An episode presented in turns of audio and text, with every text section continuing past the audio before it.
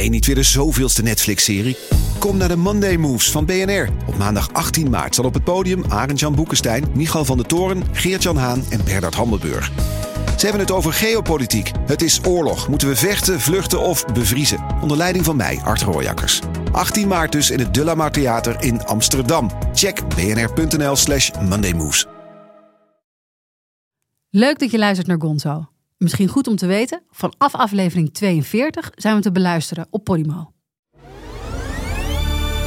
Kortie Media. Ik weet nog dat ik met mijn eindredacteur liepen we terug. En dat ze, ja, we, zien we zien het wel. En anders zenden we wel wat anders uit. Want we hadden natuurlijk die hele uitzending. In principe stond die hele uitzending gepland voor deze drie mannen. Dus ik liep daar naartoe. Ik heb die promo ingesproken. En na de hand heb ik nog gehoord dat het nog veel verder ging. Want toen ik die promo stond in te spreken, Om vijf voor stond tien. Bas Haan in de lift met Reinhard Oerlemans. Nee, Die op weg was Naar huis. naar huis. ja, die zei toen de Zoki, ik ga hier niet zitten. dit is Gonzo. De podcast waarin we praten met journalisten over dat ene verhaal in hun carrière dat ze altijd is bijgebleven. Dat kan zijn omdat het een scoop was, omdat het opzienbarend was, riskant of gelauwerd. Of gewoon omdat het een goed verhaal was. Mijn naam is Merel Westrik. Tegenover mij zit Frans Lomans, oud-hoofdredacteur van Sportweek, Panorama en Nieuwe Revue. Eh, Frans, even de kaders. Iedere keer nodigen we één journalist uit hier in de WPG-studio's in Amsterdam. Het verhaal dat ze kiezen, dat moet gepubliceerd zijn ooit. Ja. Uiteraard. Hebben we eigenlijk nog meer vereisten? Nee, het, moet- het moet een goed verhaal zijn. Ik denk dat dat wel het belangrijkste is. Want kijk, een, een leven zonder goede verhalen is eh, ongelooflijk saai. Ja. Hè? En moet het ook eigenlijk een verhaal zijn wat we eh, ons allemaal nog kunnen herinneren? Of mag het een beetje weggezakt zijn ook? Nee, het, het mag wel een beetje weggezakt zijn. Maar er moet wel iets, iets naar boven komen, als we het noemen. Laten we naar onze gast gaan. In de studio eh, deze keer Marielle Tweebeke, journalist en presentator van het programma Nieuwsuur. Marielle, welkom. Dankjewel. Je bent eh, in 2001 begonnen bij AT5, de Amsterdamse stadszender. Daar kennen wij elkaar ook van. Daarna stapte je over naar RTL Nieuws. Een van de hoogtepunten daar, het RTL-verkiezingsdebat in Carré in 2010. Hetzelfde jaar stapte jij over naar eh, Nieuwsuur. Wat was voor jou eigenlijk de reden dat je journalist wilde worden? Ik geloof niet eens dat ik journalist wilde worden. Ik wilde per se bij AT5 werken. Dat leek me zo geweldig. Ik keek altijd toen ik studeerde. Eh, keek ik naar AT5 en dacht ik, ja, die, die mensen die de straat op gaan en een soort, in een soort positieve, brutale vragen stellen. Ik dacht, dat, is, dat lijkt me echt geweldig. En zo'n redactie met heel veel mensen en dat je ergens naartoe moet, dat zocht ik. Maar de meeste studenten die kijken AT5 brak in hun bed eh, na middernacht. Ja, misschien ik ook wel. Maar weet je wat het voordeel van AT5 is? Dat, dat zit in zo'n loop en dat gaat de hele dag door. Dus ik had het altijd aanstaan. Had je, had je journalistieke helden in die tijd? Nee, want het, het klinkt een beetje gek, maar het is echt waar. Ik, had, ik heb nooit bedacht dat ik journalist wilde worden. Ik heb ook iets heel anders gedaan. Ik ben na mijn studie had ik een eigen bedrijf, een werving- en selectiebureau. En eh, pas nadat ik dat een paar jaar had gedaan en dacht, nou, ik wil toch iets anders. En ik, ik zocht iets, het had ook een beursvloer kunnen zijn. Want ik dacht, ik wil gewoon ergens naartoe met heel veel dynamiek en met heel veel mensen. En dat je gewoon moet, dat je het niet allemaal uit jezelf moet halen, maar dat je, dat je moet. Dat, dat, gev- dat zoiets zat in mijn hoofd. En eigenlijk door een gesprek met een vriendin die zei: "Wa- Wat zou je nou, als alles mag, dan wat zou je dan doen? En toen zei ik: Nou, dan bij AT5. Dus ik zei ook niet: Dan wil ik journalist worden, dan wil ik bij AT5 werken. En dat ben ik gaan doen. En daar kwam ik Merel tegen. Kon je wat in die tijd? Kon ik wat? nou, ik denk wel, ik kan wel een beetje praten en ik kan wel vragen stellen en ik kan iets presenteren. Dus ik dacht zelf wel dat er, ehm, ja, dat werving- en selectiebureau en headhunter. Dus ik dacht, ik ben wel gewend om heel veel te praten, vragen te stellen, mensen te beoordelen, situaties te beoordelen, contact te leggen. Dus ik dacht zelf eigenlijk toen ik naar AT5 ging, ehm, nou, mag ik, hier, mag ik hier werken? Dat lijkt me heel leuk. Maar ik was 30. En ik had dus dat, dat bedrijf en zij keek me echt aan van eh, hoezo? Eh, en uiteindelijk eh, werd ik gebeld van ja, het enige wat we kunnen aanbieden, en dat was eigenlijk ook nog een beetje zo twijfelachtig, is een, is een stageplek. En nou ben ik ook stagiair geweest bij AT5, maar dat betekent ook gewoon de kranten opruimen. eh, het weer halen, dat deed je dan op zo'n soort Ja. kartonnen bord met een grote tekst erop. En dan moest je gewoon een willekeurige voorbijganger aanspreken om dat ervoor te, voor te lezen voor Vond de ik hartstikke leuk. Ging ik echt heel erg mijn best voor doen, want dat, Ja, dus mensen keken me echt aan van, maar wil je dat dan ook doen? Dat hoort er ook bij. Ik zei, ja, tuurlijk. Dus ik zat die teksten te schrijven. En dan ging ik met een cameraman in de auto. En dan zei ik, we gaan nu naar dat deel van de stad. En dat vond ik zo geweldig, dat ik in die stad leerde kennen. Ik hield al heel erg van Amsterdam en ik dacht dat ik Amsterdam goed kende. Maar ik kwam op allemaal plekken waar ik anders nooit zou zijn geweest. En ik heb mensen ontmoet die ik, die ik anders nooit zou hebben ontmoet. En toen was ik verkocht. En kreeg je al snel een microfoon in je handen ook? Vrij snel. Ja. Weet je je eerste, eerste ik weet wel, nog? Ik weet wel mijn eerste hand in beeld. Toen mocht ik figureren. met een ervaren verslaggever. En dat was een item in Scheltema, geloof ik. En daar moest ik wat boeken neerleggen. En toen zei ik heel trots thuis: Moet je kijken, dat ben ik. Ah, ja. Ja. Heerlijk. Bijna ontroerend. Ja.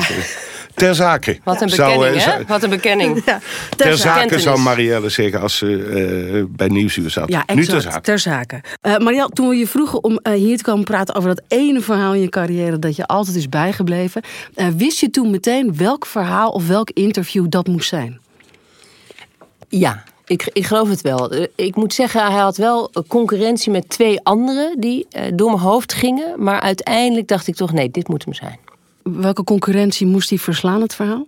Hij moest de president van eh, Oekraïne verslaan, Ja, heb je, Zelensky. ja. Heel heb je een. Sonja Barend Award voor gekregen, die Ja. tweede. Ik dacht, nou ja, daar is ook wel juist daaromheen iets over te vertellen. Ehm, en heel lang geleden eh, een interview. Hè, ik begon dus bij AT5 met Rob Oudkerk toen hij moest aftreden omdat hij naar de tippelzone hier in Amsterdam naar de hoeren was gegaan. Die twee, maar ja, dat was ook weer zo lang geleden. Dus uiteindelijk dacht ik, nee, deze moet het zijn omdat daar ook wel eh, veel over te vertellen is. En ik denk ook dat het, dat het maatschappelijk wel eh, een interessante kwestie was.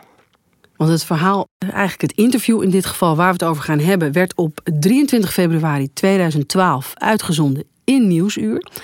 Het gaat over een nieuw programma. Het programma heet 24 uur tussen leven en dood. Het is geproduceerd door iWorks voor RTL.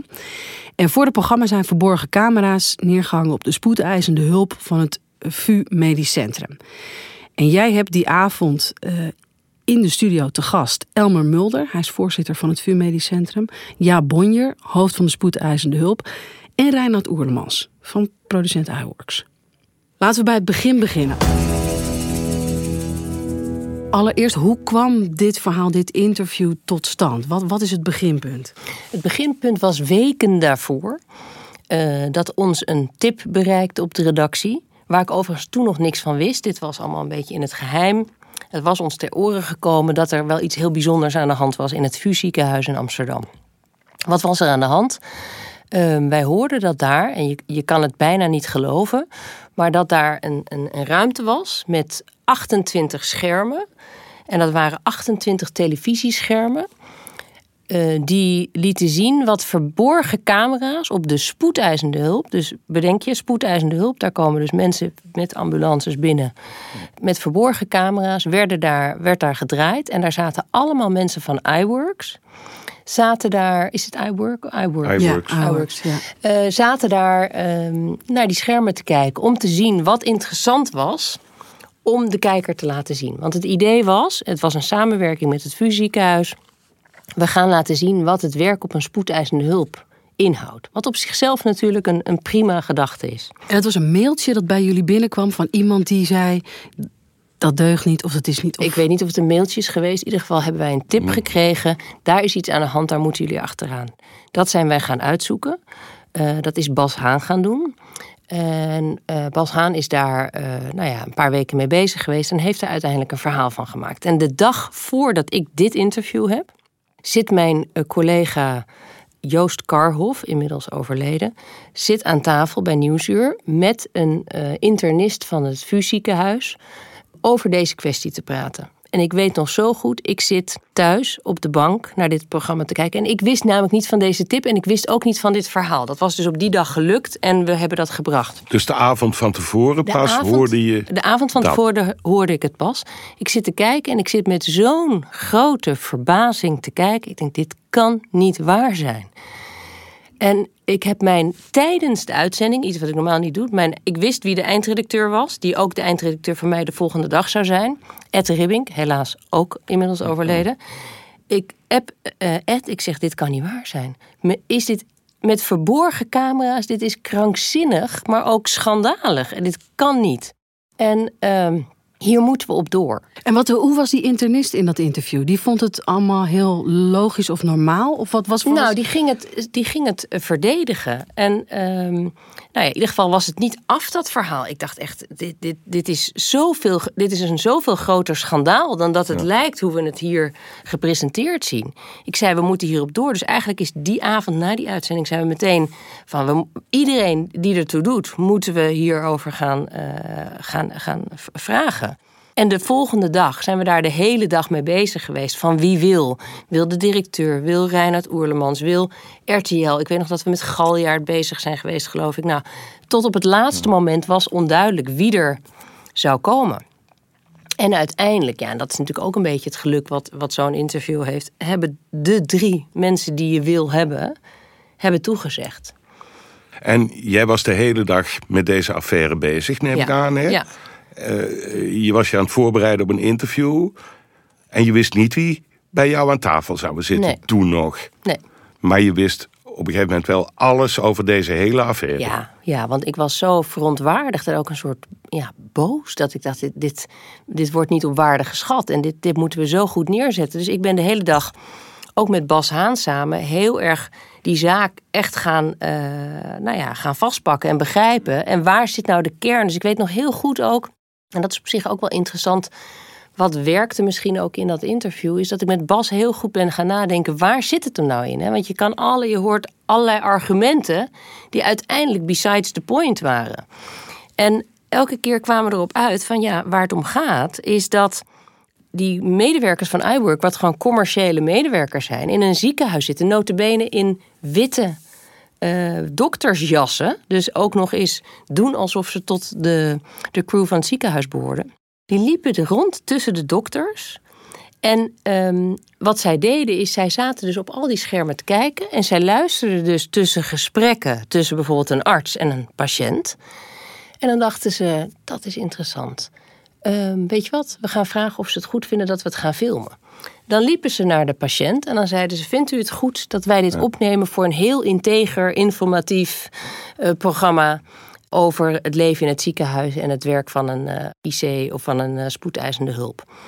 Op het moment dat er dan toestemming was, gingen ze filmen. En dan werd er ook na afloop gevraagd of ze het goed vonden voordat het uitgezonden wordt. En zij hebben gedacht dat dat eh, afdoende was. Maar de kern van het probleem was natuurlijk niet wat er opgenomen werd. De kern van het probleem was dat die camera's gewoon iets registreerden, weliswaar niet opnamen.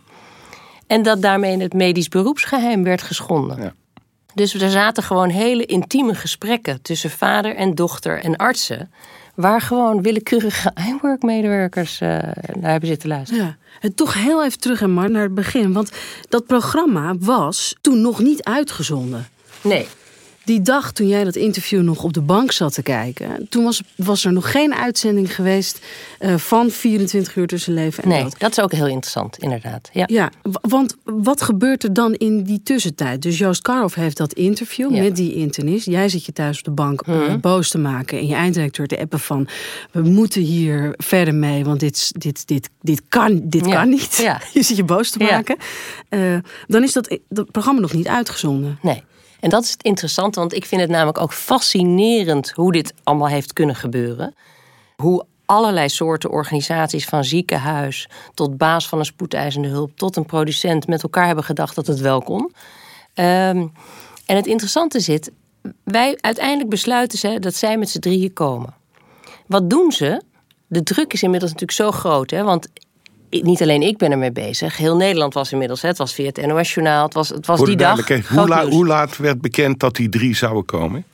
Nou, eh, het is natuurlijk lang geleden, maar ik geloof dat ik het tot, mm, tot zes uur niet wist. Ja, ja. En tien uur is de uitzending. Heel Tien uur was de. Ja. uitzending. Ik geloof dat ik dat zes uur, maar het kan best ook nog later Ja, zijn geweest. Dus het is heel lang onduidelijk geweest. Dus ik was gewoon inhoudelijk voorbereid, maar niet met wie ik aan tafel zou zitten.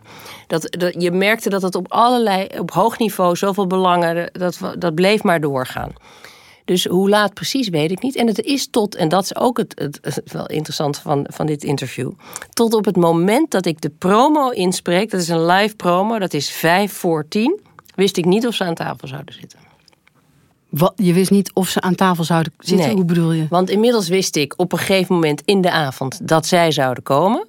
Zij komen. Reinhard Oerlemans komt binnen met die bonjer, die hoofd eh, van die spoedeisende hulp. Wat twee eh, vriendjes van elkaar zijn. Ah, oké. Zij komen binnen. Ehm, wij hebben altijd de, de policy dat iedereen alles wat wij uitzenden in deze uitzending, dat ze dat mogen zien. Dus wij laten de reportages, want we hadden die dag was eh, ook een verslaggever naar het vuurziekenhuis gegaan. Ik weet niet meer precies wat het was, maar in ieder geval hebben we daar ook weer nieuwe voorbeelden laten zien. We hadden de medisch ethicus geloof ik erin. In ieder geval, we hadden reportages.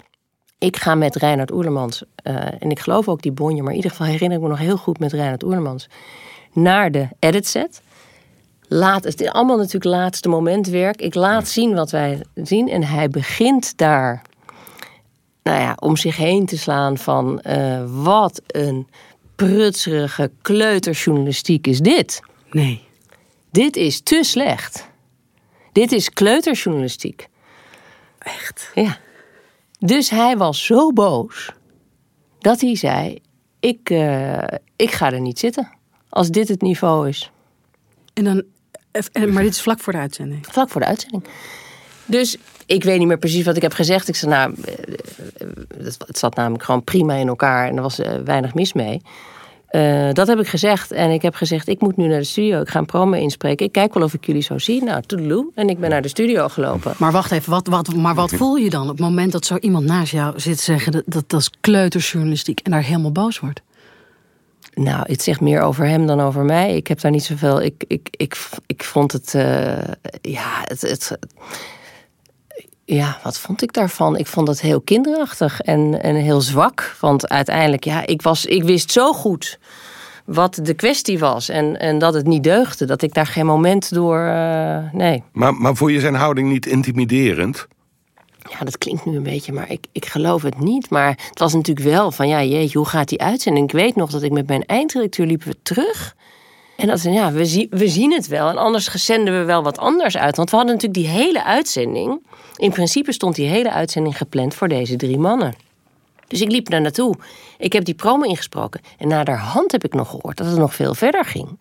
Want toen ik die promo stond in te spreken... Om stond. Bas Haan in de lift met Reinhard Oerlemans Nee.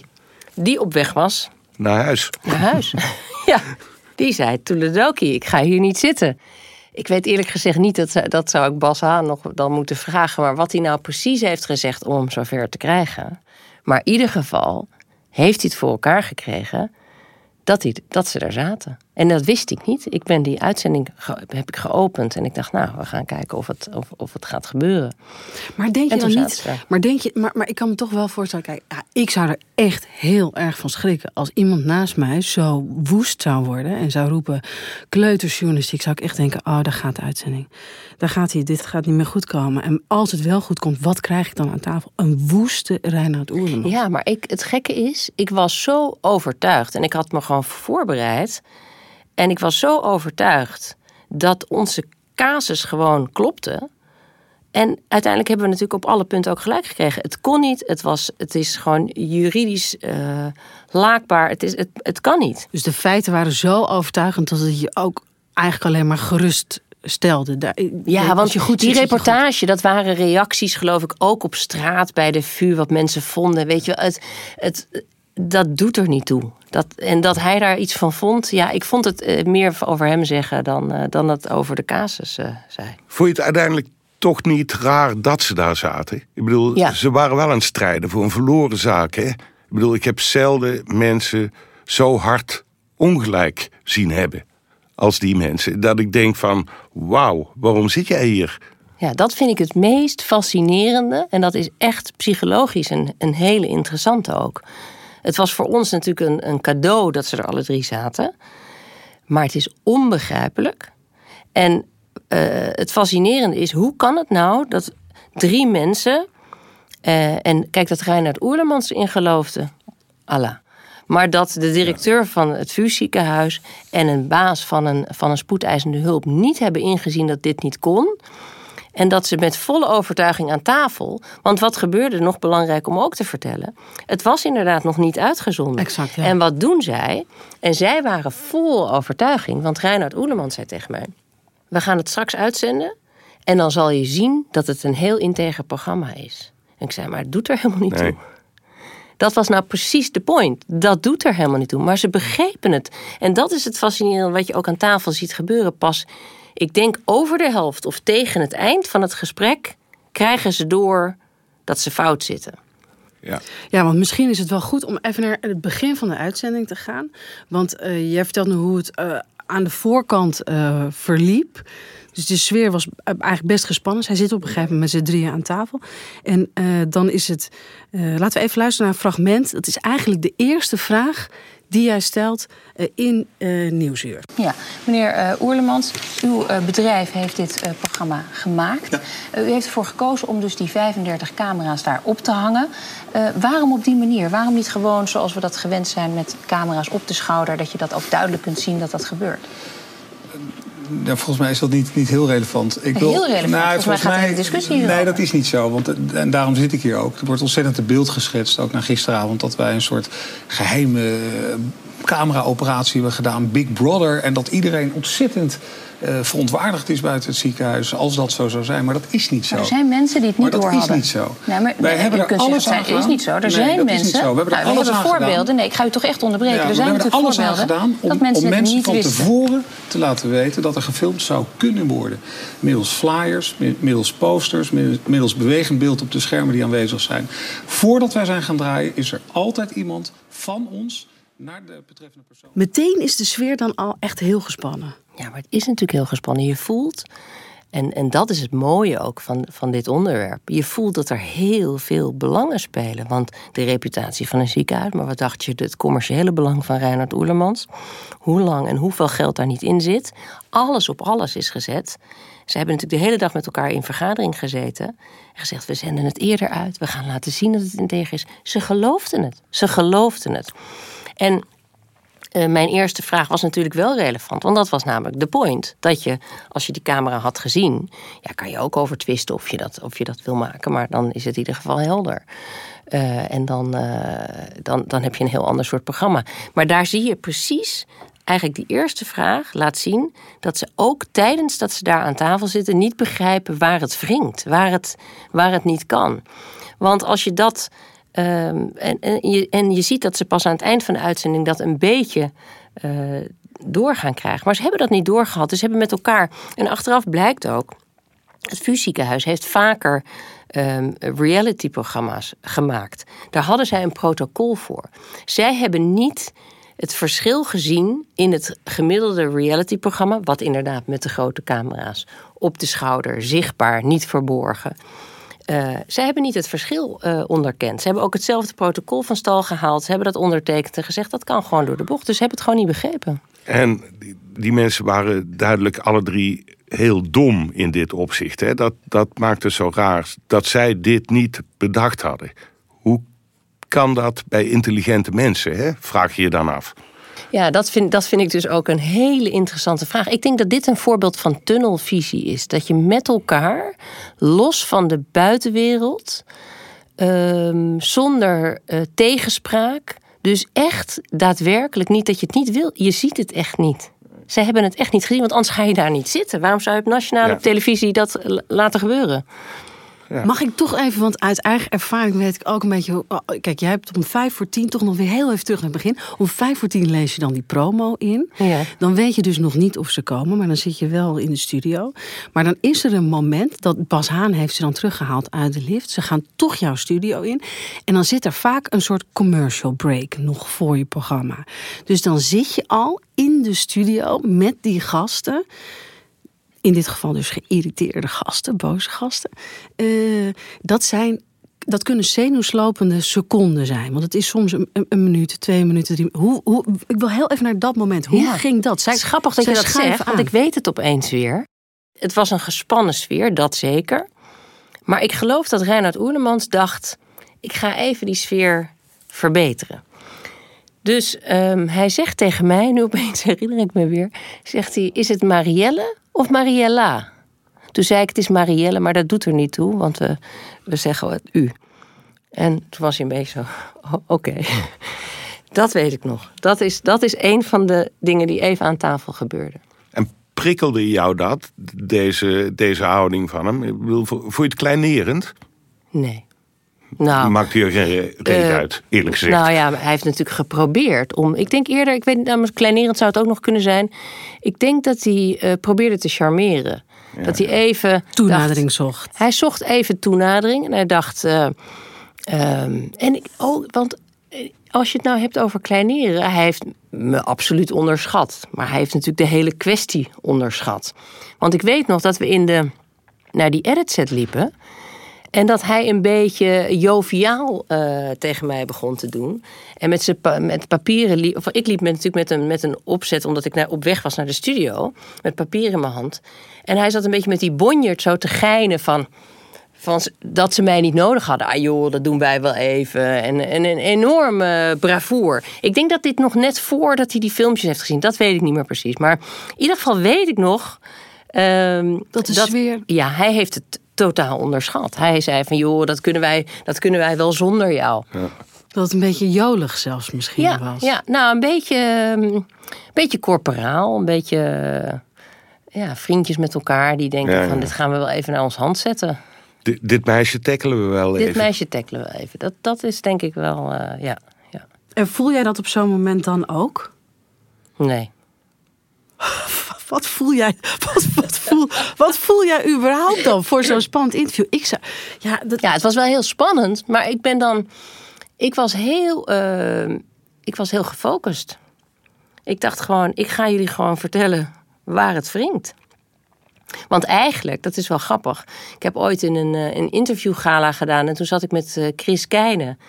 En eh, die zei, ja, het is wel eh, grappig als je dat interview nog eens terugkijkt. Dan stel je helemaal niet zoveel vragen waarvan je normaal zou zeggen... je moet al een goed interview, stel je toch eh, vragen en eh, vooral open. Maar ik ben heel hard aan het werk om deze mannen uit te leggen wat er niet klopt. ja. En ze snappen het niet. Er is ook een heel mooi fragment in het programma. Laten we daar ook nog even naar luisteren. waarin Reinhard Oerlemans jou op een soort feitelijk onjuistheidje probeert te betrappen. Laten we even luisteren. Ja, maar dat zijn dus niet artsen Ja, nee, maar- die meekijken op het moment dat ik binnenkom Ja, op de ja. spoedeisende hulp. Ja, maar we moeten goed realiseren, het beroepsgeheim is niet uniek voor artsen. Dat geldt voor alle gezondheidszorgmedewerkers. Dus als je als Mali-medewerker bij ons in dienst komt, dan moet je ook een contract tekenen dat je daar. heel, Ah, maar die eh, mensen hebben er iets te doen. Dat zijn artsen. Die hebben een, Nee, een, een, nee, maar wat ik u nu een beroep uit te oefenen. Dit gaat om een Nee, entertainmentprogramma. het is, geen- het is geen entertainment. Nou, dat is een andere discussie. Dan maken we er voor jullie een informatief... Dit Nou, programma... Nou, het gaat, informatief nee, maar het gaat dus. er natuurlijk om dat er niet-artsen... Dat is natuurlijk de essentie. Niet-artsen, iWork-medewerkers hebben weliswaar een verklaring getekend... maar kijken er mee op het moment dat ik bij de spoedeisende hulp binnenkom. In de VUMC werken 7000 mensen, waarvan 400 medisch specialisten. Er zijn zoveel mensen niet arts en die zijn van eminent belang voor de gezondheidszorg. Al die andere mensen, al die functie. niet, die hebben een functie. Ja. Je ziet echt gedurende het interview dat de irritatie zich eh, opbouwt. En wat is dan op een gegeven moment het kantelpunt, Mariel, in het interview? Ja, ik denk dat het eh, minstens de helft, maar misschien al zelfs tegen het einde aan is. Want het duurt echt verrassend lang voordat ze doorhebben dat het echt niet kan wat ze doen. Dan komt er een moment dat ik eh, echt het ziekenhuis aanspreek. Dat ik zeg, ja, maar er is toch ook een verschil in verantwoordelijkheid. Kijk, dat een producent, dat is een commercieel bedrijf, dingen bedenkt. Die, voor hun goed uitpakken. Dat snap ik nog. Maar dat een ziekenhuis met een maatschappelijke verantwoordelijkheid dat doet, dat kan echt niet. En dan denkt Reinhard Oelemans, wacht even, want die ziekenhuisdirecteur was niet de, de beste spreker. Ik ga dit eventjes, ik los dit wel even voor hem op. Dan gaat hij antwoorden. En dan zeg ik: nee, maar wacht even, jij bent producent. Ik wil het niet van jou weten, ik wil het van de ziekenhuisdirecteur. En dat is het moment wat, wat dat, dat beeld van hoe hij toen keek, is wat mij betreft, denk ik, het moment geweest dat hij zich realiseerde: het deugt niet. Laten we even luisteren hoe dat ging.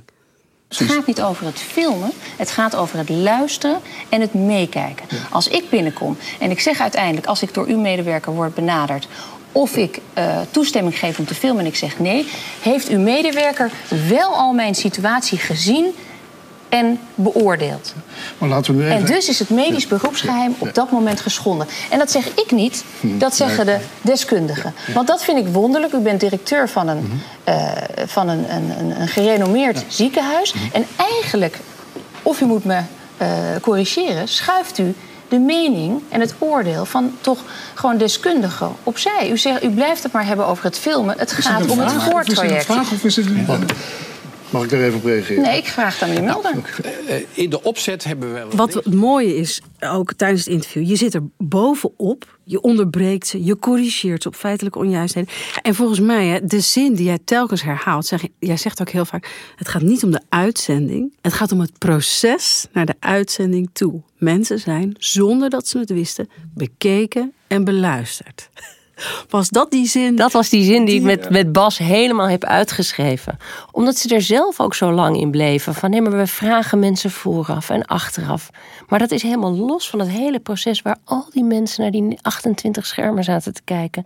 En al die gesprekken, de kern natuurlijk, het medisch beroepsgeheim, werd daar gewoon keer op keer geschonden. Er zaten gewoon mensen van een commercieel bedrijf mee te luisteren met de medische situatie van een patiënt, soms in nood. Maar de spoedeisende hulp, ik wou het zeggen, want wat daar binnenkomt. Ja, het is, het is, daarom, het is echt krankzinnig. Het is echt krankzinnig.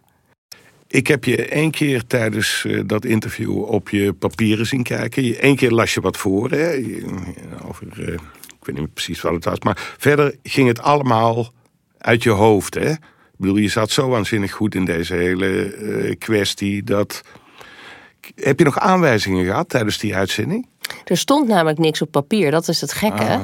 Ik heb met Bas, heel erg, Bas Haan heel erg nagedacht over de zinsneden van hoe je nou kort uitlegt wat het verschil is met iets uh, filmen maar ik, ik, er stond volgens mij niet veel op papier, omdat ik dus eigenlijk niet wist wie ik aan tafel zou hebben. Ik denk dat het toch uiteindelijk, ik zou dat moeten nagaan, maar dat het nog veel later was dat ik het wist. Ik wist heel weinig, er stond heel weinig op papier. En we zijn een beetje zo'n soort, zeker door die situatie dat ze in de, in de, in de lift stonden en zo. Ik weet dat het met de eindredacteur zo'n soort op hoop van zegen, we zien het wel. Ja. Zo zijn we erin gegaan.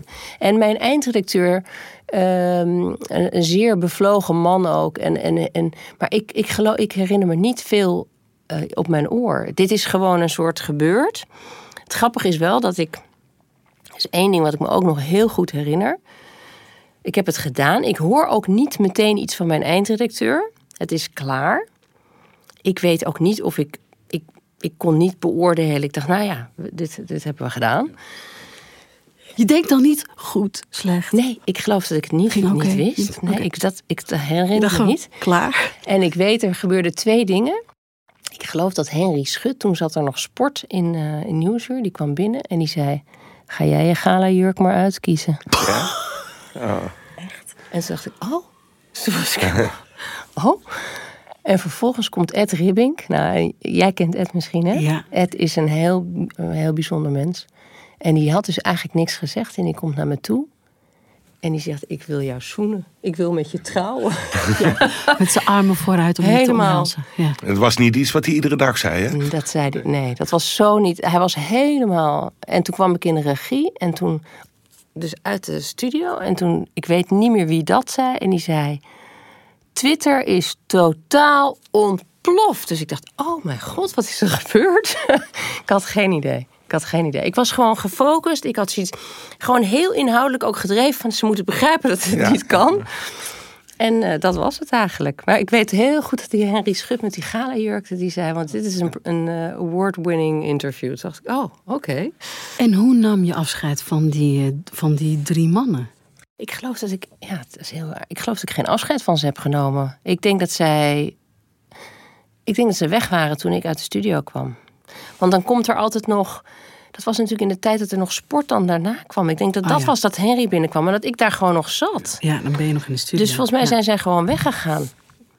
Ja, ik heb ze niet meer gesproken. Was je moe na dat uh, interview? Nee. Nee? Nee, ik je had nog een interview kunnen doen. Nee, nee, zo niet. Maar ik, dat herinner ik me niet. Volgens mij ben je gewoon helemaal geladen Ja, Weet je wel? En nog eh, dat je eerder dat je stuitert dan dat je. Dat- En omdat er zoveel reacties, dan kom je weer in een hele nieuwe emotie. Hè? Want ik had, ik had geen idee. Dus opeens krijg je dan alleen maar van: oh, dit was geweldig. Dat Je, oh, oh oké. Dus dan zit je daar weer in. Ik herinner me niet dat ik. eh, nee. Dat... En wat gebeurt er vervolgens? Wat, wa- want de uitzending zit erop. eh er breekt bijna, nou, iedereen gaat slapen. Op een gegeven moment breekt een nieuwe dag aan. Ja. Wat was de impact? Ja, gigantisch. Dat was echt gigantisch.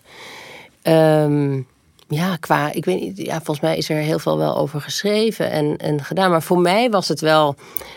Ja, ik kreeg. Ik weet ook nog dat ik van allerlei mensen die je, waar je niet.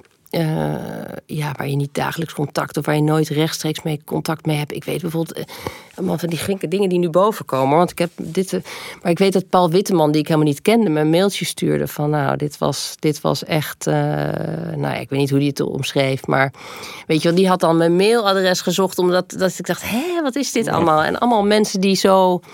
Ehm, ik heb zoveel reacties gekregen. En het, het bijzondere is ook dat eh, tot, nou ja, eigenlijk tot op de dag van vandaag, en zeker in de medische wereld, merk ik altijd dat het, dat het gewoon heel veel, eh, heel veel impact heeft gehad. Ik weet zelfs van, eh, door Ed, want zijn dochter studeerde medicijnen, dat het zelfs in de, in de studieboeken terecht is gekomen als casus bij de VU. Ja, Van hoe je het niet moet aanpakken. hoe je het niet moet doen. ja. En het is volgens mij ook niet goed afgelopen met Elmar Mulder Nee. uiteindelijk. Nee, nee, nee, er zijn allemaal in onderzoeken geweest. En het is natuurlijk allemaal zwart op wit precies opgeschreven zoals wij het destijds al zeiden. Dat het niet, niet eh, klopte. Is- Maar het grappige is dat Reinhard Oerlemans heeft nog... Ik bedoel, ik zie in die uitzending iets gebeuren... maar het heeft tot dit jaar geduurd. Tenminste, ik heb het niet eerder gehoord. Dit jaar heeft hij een interview aan Everblij, heet hij? Ja? Evenblij, Frank Evenblij. Frank Evenblij gegeven. En die laat hem een stukje van dit interview zien. En dan zegt hij na, na een paar seconden of een paar minuten... Nu heb ik het niet gezien, niet gezien. Ik, kan het, ik kan het niet zien. Toen zei hij, maar ze had wel gelijk. Ja, En wat, nou, mooi. Ja? Ja. Maar wel een, wel een trauma voor hem. ja. Nou, dat was heel duidelijk. Het is een trauma voor hem. En, En tien jaar te laat. en tien jaar te laat. Ja, ja. Maar ja. Hey, En door al die reacties, hè, die, die dagen daarna Ja. en, en zelfs die jaren. Toen begon je naast je schoenen te lopen, hè? nee, Nee.